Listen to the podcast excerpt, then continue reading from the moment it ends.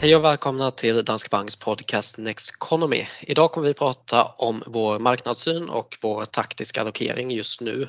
Så det blir alltså ett specialavsnitt återigen där vi fokuserar på vår senaste house view. Och om man börjar med börsen den senaste tiden så kan man ju säga att vi har haft en fantastisk utveckling på börsen, inte minst i Sverige under året. Det har vi och, och Stockholmsbörsen sticker ju ut både globalt och bland de europeiska länderna med en uppgång på ja, ungefär 20 procent då.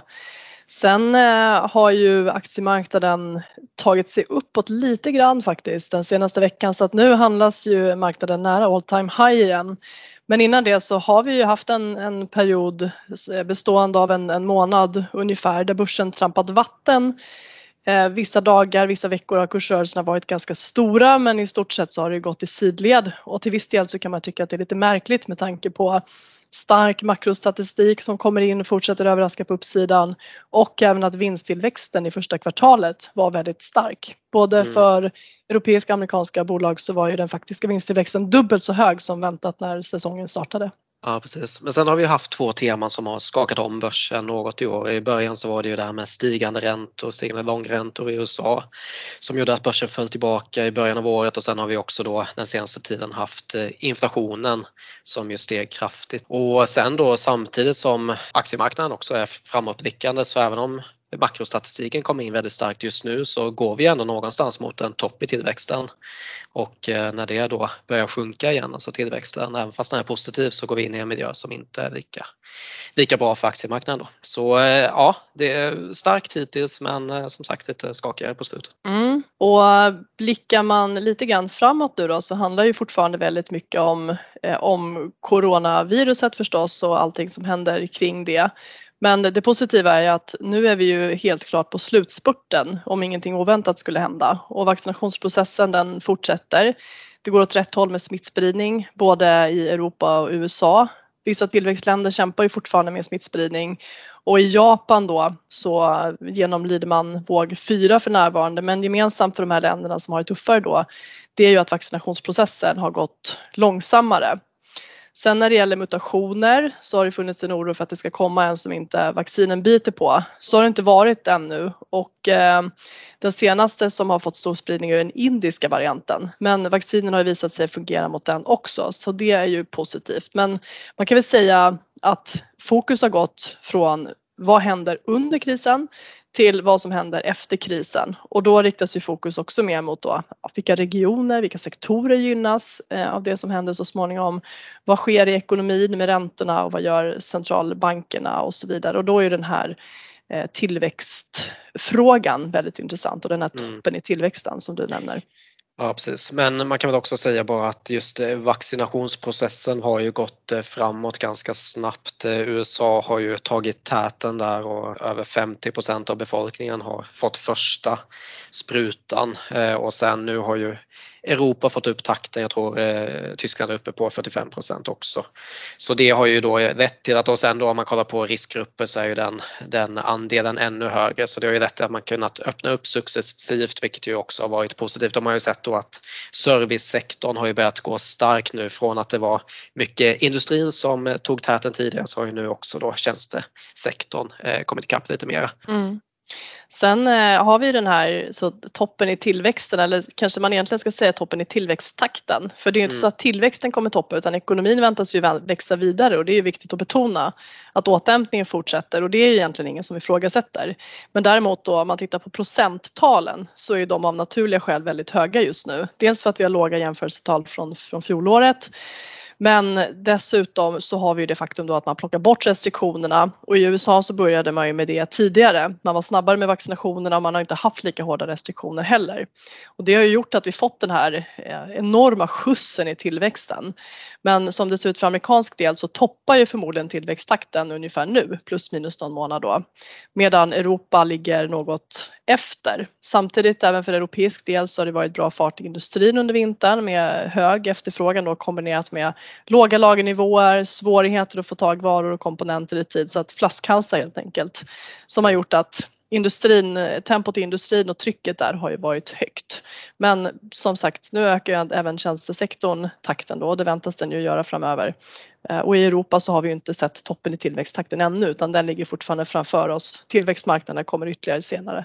Så mm. att det blir ju som, man kan se det som ett antal liksom, vå, tillväxtvågor eh, som toppar vid olika tillfällen. Men ja, USA ligger först. Också om man kollar historiskt på hur det sett ut Eh, efter en sån här topp då som ofta kommer efter en, en eh, lågkonjunktur så får vi en börsutveckling som går lite i sidled och det, det tror jag är precis det vi ser nu. Att vi är lite grann på toppen av tillväxtkullen eller i närheten av den i alla fall och när vi då börjar liksom nå toppen och så småningom ska rulla ner lite på andra sidan så tappar aktiemarknaden lite fart också. Men om man, om man funderar på hur man ska göra med sin portfölj så kan man säga att det här är ju inte direkt en, en säljsignal utan mer att man ska vänta sig lite mer modest avkastning under en period utan att för den skulle vara alltför orolig tycker jag. För centralbanker, regeringar de är ju fortfarande på tårna och jag tror att man kan känna sig ganska säker på att de agerar om det skulle hända något oväntat som gör att det här drar ut på tiden. För man har gjort sådana enorma investeringar i att vi ska klara det här. Från centralbankerna med låga räntor, stödköp, eh, staterna har skuldsatt sig eh, enormt för att se till att man ska stötta ekonomin och jag tror inte man skulle låta stöden löpa ut för tidigt eller strama åt innan Nej. vi har nått stranden. Eh, sen kan Nej, man ju alltid göra misstag såklart. Eh, men, eh, för det har ju varit den stora debatten också med tanke på inflationen här då. Att, eh, vad kommer, hur kommer eh, Fed att agera på de här inflationssiffrorna? Och man har ju fortsatt att eh, försöka då kommunicera till marknaden just att den här inflationen är övergående som man ser det och det påverkar ju inte deras syn på penningpolitiken utan den fortsätter ju vara expansiv tills man då får en bestående inflation på inflationsmålet på 2% Och där är ju arbetsmarknaden en viktig del också och där är vi inte tillbaka riktigt än. Nej det är vi inte. När det gäller arbetsmarknaden i, i USA så har vi precis fått lite ny information. Eh, siffrorna för maj har ju publicerats för mindre än en vecka sedan och där kan man ju se att arbetsmarknaden fortsätter stärkas. Samtidigt så var det ju färre personer som kom tillbaka in på arbetsmarknaden under maj än väntat och aprilsiffran överraskade ju kraftigt på nedsidan. Men bedömningen är väl att det här beror ju kanske egentligen inte på, det beror inte på en bristande efterfrågan på arbetskraft för den är ju hög och man ser att företagen vittnar om att man har svårt att rekrytera personal. Men snarare så speglar det nog att många lågbetalda Eh, yrken eh, har så pass låg lön att det faktiskt varit mer lönsamt att vara arbetslös. Så arbetslöshetsersättningarna är helt enkelt väldigt generösa. Och de här stöden eh, till arbetslösa de löper ju ut i hela landet i september. Men redan nu så ser vi ju att vissa delstater då har börjat plocka bort de där därför att man inte bedömer att de behövs längre. Och det bör också öka motivationen att ta ett eh, arbete. Så att vi, vi väntar oss ju att vi kommer få stark arbetsmarknadsstatistik de kommande månaderna och att det finns ganska naturliga skäl till eh, att vi har haft en lite eh, trögare utveckling på slutet. Det är liksom inte, det är inte fel på efterfrågan utan det är andra eh, saker som, som spelar in här. Mm. Men någonting som kommer eh, ske, troligtvis i alla fall, innan arbetsmarknaden har kommit tillbaka till nivån innan eh, coronakrisen, det är ju att man börjar dra tillbaka obligationsköpen i alla fall från Feds sida.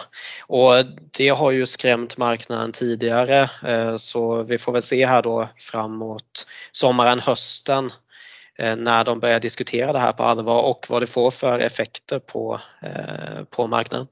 Mm. Och vår, eh, vårt huvudscenario nu då det är ju att man kommer börja prata om det här eller snarare att man kommer lägga fram en plan för det efter sommaren. Vårt huvudscenario är septembermötet men det, det är klart att det beror på vad, vad för data som kommer in under sommaren då. Men eh, i grund och botten är det så att så länge man bedömer att den här stigande inflationen är övergående så behöver ju inte Fed ha någon brådska att, att strama åt utan tror man att inflationen stiger temporärt på grund av att vi konsumenter har ett uppdämt behov av att ehm, eh, göra saker, konsumera varor och tjänster som vi inte fått ta del av under pandemin. Då kan man ju bara avvakta. Men det är klart att eh, i takt med att ekonomin repar sig och vi, vi har de här fortsatt stora stöden ändå i form av låga räntor och, och stöd från, från regeringar också så börjar man ju behöva göra någonting och USA ligger längst fram i, i återhämtningen och det är också där inflationen dragit iväg mest. Så att vi och även Fed då tror ju att den här inflationsuppgången blir tillfällig och att den här första intensiva fasen efter krisen lägger sig så kommer ju andra långsiktiga drivkrafter bli viktigare igen. Och då är det ju globalisering, tillgång tillgång till billig arbetskraft, den här enkelheten att jämföra priser för såväl konsumenter som företag, hård priskonkurrens och en global konkurrens eh, så kommer bidra till ett lägre Eh, inflationstryck igen då. Det gör ju att Fed kan fortsätta vara, ha en förhållandevis eh, expansiv penningpolitik. Men vi har ju sett nu på senaste tiden att några Fed-ledamöter har varit ute och pratat om att man ska börja med tapering. Så att det här lär ju bli ett tema som man ändå diskuterar även om man inte fattar några beslut ännu. Men sen väntar vi väl att man lägger fram då ett mer konkret förslag eller en plan på nedtrappningen i september eller åtminstone under hösten. Eh, men att själva nedtrappningen dröjer ännu längre. Att den kommer igång först någon gång efter årsskiftet då. Men fram tills dess så kommer vi ha de här testballongerna. Man pratar om det, ser hur marknaden, marknaden reagerar, man lägger fram en plan, ser hur marknaden reagerar. Om allting går enligt planen, ja då börjar nedtrappningen. Mm. Och där har vi ju då taper tantrum. Det var väl i, var det i början på 2013 mm. där eh, Benanke var ute och kommunicerade kring just eh, tapering och det fick ju marknaden att eh, reagera negativt och det är ju det man har varit orolig att den kommunikationen får en samma effekt har man ju varit ända sedan dess då. Så man försöker ta det försiktigt eh, när det gäller den biten. Du var inne på finanspolitik innan också. Det är stora mm. stimulanspaket där också både i, ja, framförallt i USA men också i Europa. Ja, och i USA då så håller ju Joe Biden och Demokraterna nu på eh, och lanserar nya stimulanspaket då med fokus på infrastruktur, utbildning, familjer. Eh, så det här är en investering i högre tillväxt framöver då. Och det här är ju det största stimulanspaketet hittills faktiskt, trots att de andra har varit minst sagt gigantiska. Sen är det här ingenting som Republikanerna bara skriver under på rakt av så att jag tror att man, man ska vänta sig att det kommer dröja lite. De här diskussionerna kommer fortsätta och eh, paketet kommer inte gå igenom i den omfattning som man har lagt fram nu. Men det som är annorlunda i alla fall mot de här tidigare stödpaketen det är ju att de man har satt in tidigare med helikopterpengar och så vidare, de har man ju finansierat rakt av med nya lån. Så att amerikanska staten har tagit upp nya lån genom att emittera obligationer. Men nu ska man ju höja skatten. Så att dels så är det ju kapitalskatten för de rikaste som man vill höja och sen så vill man också höja bolagsskatten från 21 procent som Trump sänkte den till, till 28 så att man eh, tar tillbaka halva skattesänkningen som Trump gav de amerikanska bolagen då. Mm. Man kan väl säga då att den här skattehöjningen för de rikaste den spelar väldigt liten roll för konsumtionen. Eh, om de som har mest eh, får betala mer kapitalskatt så drabbar ju inte det liksom, vad de gör i någon större utsträckning. Men däremot det man ska ge de här pengarna till och det man ska satsa på det är ju att de med låg inkomst ska få alltså, bättre utbildning, mer i plånboken och det resulterar i konsumtion då. Så att även om negativa effekter av skattehöjningar finns så ser vi att de positiva effekterna av det man vill göra med pengarna är större. Så att i grund och botten så är det här någonting som på sikt är positivt för amerikansk tillväxt och därmed också förstås för, för börsen. Mm. Bra, då tycker jag vi har gått igenom en del börsutveckling, eh, ekonomin och eh, penning och finanspolitik. Eh, vi ska bara säga någonting om riskerna just nu. Vi var inne på det tidigare men coronaviruset fortsätter ju vara en risk även om det ser bättre ut nu än det kanske någonsin har gjort tidigare. Men, men det är ju fortsatt en risk såklart. Det är det och den här risken kommer finnas kvar så länge coronaviruset cirkulerar och det lär det väl tyvärr fortsätta göra. Men då utan att vara någon expert på Eh, vaccin då så är det ju så att eh, läkemedelsbolagen eh, säger att de här vaccinerna är förhållandevis lätta att uppdatera för att också kunna fungera mot nya varianter. Så att ja, det, det är ju en risk att vi får mutationer men förhoppningsvis så skulle man upptäcka nya varianter rätt snabbt med tanke på den testning som är omfattande eh, som finns idag då och då skulle man kunna hantera det med smittspårning, uppdaterade vaccin. Eh, så att jag skulle säga att den här risken är ändå inte lika stor som, som tidigare. Mm. En annan sak som vi inte har varit inne på än, eh, det är ju, vi, vi pratar om det här med sämre tillväxt framöver och eh, i kombination då med ganska höga värderingar. Värderingar är ju en fråga som har varit uppe under lång tid och eh, särskilt då med tanke på de här pengarna som har kommit ut i systemet med tanke på alla stimulanser, det har ändå tryckt upp särskilt då tillgångspriser som bostäder och och eh, eh, aktiemarknaden och olika typer av tillgångar. Eh, och ja, så då går vi ändå in i en period då kanske där vi, där vi får en fortfarande positiv tillväxt men inte samma stigande tillväxt som vi haft fram tills nu och då har vi fortfarande höga värderingar på börsen. Så eh, ja, eh, värderingarna kan ju också vara en risk nu. Alltså det tenderar ju att bli lite mer volatilt när värderingarna är höga. Mm, alltså höga värderingar är ju lika med höga förväntningar och mm. infrias inte de så är det ju större risk för kursrörelser. Sen så får man väl ändå här också nämna då inflationen som en risk och det är ju den som listas högst när man tittar på vad globala fondförvaltare nämner för risker. Då handlar det just om alltså politiska misstag, att Fed eh, stramar åt för tidigt eller för hårt.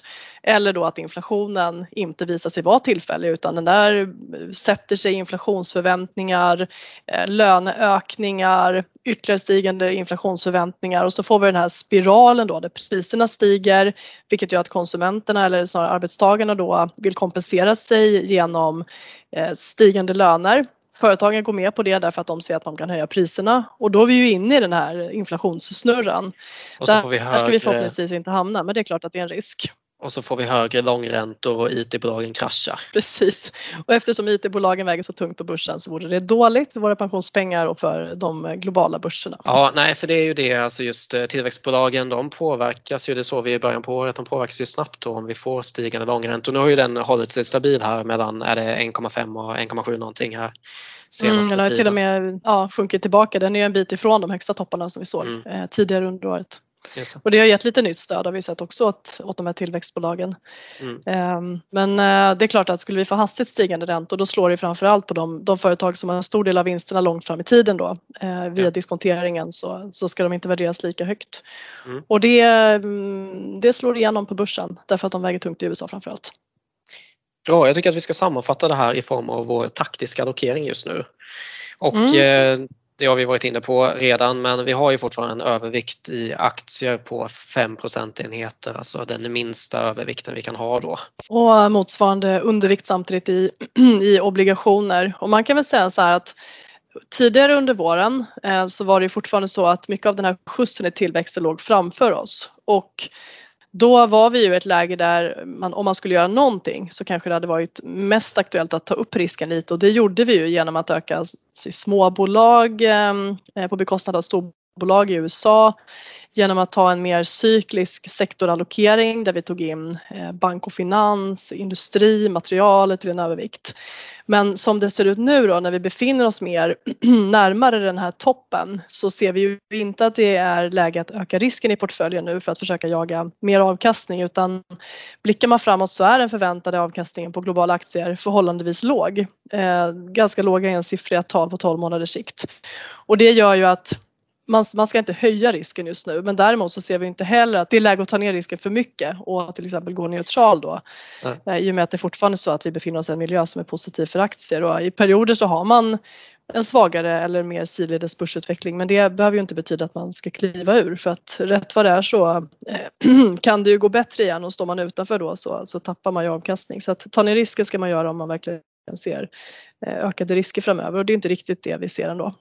Nej, eh, någonting man kan se historiskt också är ju att efter den här toppen så har alltså skillnaden, den relativa avkastningen mellan aktier och obligationer har inte varit så jättestor. Vilket ju då också kanske lyfter frågan om man ska ha mera obligationer i portföljen en tid framöver. Men då har vi ju, vi har ju det här fenomenet med TINA som vi har pratat om under en lång tid och det är ju inte bara vi som har gjort det utan det är ju ett ganska reellt tema just att eh, alternativet till aktier, alltså att investera i obligationer, det ger så pass låg avkastning eh, i dagsläget så ska du ha en, en vettig avkastning på dina pengar så måste du nästan ta aktierisk. Precis. Och det där, eh, samtidigt så är ju, jag menar, obligationer är fortfarande en viktig del i, i portföljen för att stabilisera och bevara värde. Och sen så är det också en möjlighet till rebalansering och att man ska kunna utnyttja möjligheter också om det uppstår någon, något läge på marknaden. Så att, att eh, se till att ha en obligationsdel som är stabil gör ju faktiskt att man har lite mer handels, eh, handlingsfrihet också. Sen apropå det här med att avkastningen framöver väntas bli lägre och att vi haft en period med sidledesutveckling så tycker jag att man om man har tillkommit då som ny eh, sparare eller investerare under det här senaste året och kanske har vant sig vid att börsen har stigit ganska mycket. Det har varit rätt kul att investera därför att eh, det man har stoppat in på börsen har med ehm, eh, ja, lite tur eh, vuxit ganska bra. Så kanske man känner sig lite stressad nu när det går sidledes eller man ligger lite för mycket kanske i teknikaktier som har gått lite svagare men jag tycker man ska vara försiktig då med att börja som, hatta hatta runt, hoppa mellan sektorer eller bolag för att försöka jaga fram den här fortsatt höga avkastningen. Utan eh, så här ser det ut på aktiemarknaden emellanåt. Eh, man kan ta, ta lite tid och se över hur portföljen ser ut och se om man behöver göra några förändringar i, i allokeringen. Men eh, börja inte försöka, försöka jaga högre avkastning Nej. för det är svårt och det riskerar att göra skada istället. Ja. Alltså har det varit så att man har reagerat negativt på de här svängningarna som vi har haft den senaste tiden, då kanske det är så att man har legat för tungt exponerad mot till exempel tillväxtbolag och det man ska göra då är ju snarare att man breddar portföljen. Så ta den här oron i så fall som ett tecken på att du ska ha en mer diversifierad portfölj och, och utgå ifrån det istället. Eh, mm. Du var inne på det här att vi har tagit en mer cyklisk exponering under våren genom att byta ut småbolag eller storbolag i USA mot småbolag och också då haft en mer mera cyklisk sektorexponering. Och ett annat sätt som vi då har ökat den mer cykliska exponeringen det är genom en övervikt i Europa för då får man en typ av sektorer som är mer cykliska för Europa har mera industri och finans till exempel än vad man har i USA. Eh, och där ligger vi ju överviktade fortfarande för eh, alltså det här cykliska caset finns ju fortfarande men sen är det ju också som vi var inne på tidigare också att Europa ligger ju något efter vad gäller vaccinering och återöppning av ekonomin.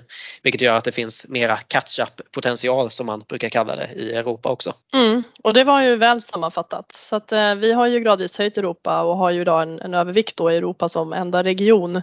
Och hittills i år så har det varit positivt eftersom Europa gått bättre än andra marknader. Och blickar man framåt nu så väntar vi oss att det fortsätter då drivet av den här fortsatta höga tillväxten och de cykliska sektorerna som då väger tungt. Sen eh, väntar vi oss också då i takt med att återhämtningen fortsätter att räntorna också stiger svagt då och det är ju bra för bankaktier som också väger tungt för europeisk del. Så att flera faktorer då som talar för att Europa kan ha mer att ge. Sen eh, om man då kollar på USA så är ju andelen tillväxtbolag betydligt högre och de gynnas ju inte nödvändigtvis av en starkare konjunktur utan de växer på grund av strukturella faktorer som digitalisering till exempel. Sen får man ju då, ska vi säga att USA väger väldigt tungt om man har en väl diversifierad global portfölj.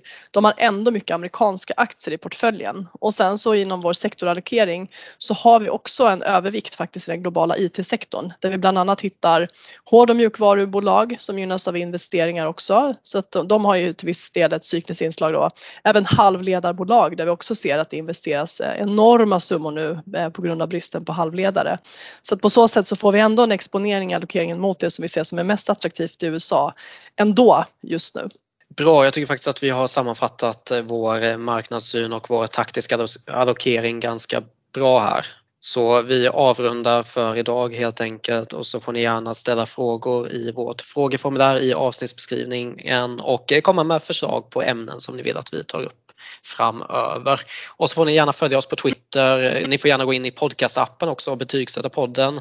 Eh, det hade varit jättesnällt och eh, gå in på nexeconomy.se. Det är vår nyhetssajt och där hittar ni senaste nytt bland annat om vår marknadssyn men också mycket annat. Filmer, poddar med mera. Bra, då tackar vi för den här veckan och så hörs vi igen om två veckor igen. Tack och ha en fin vecka.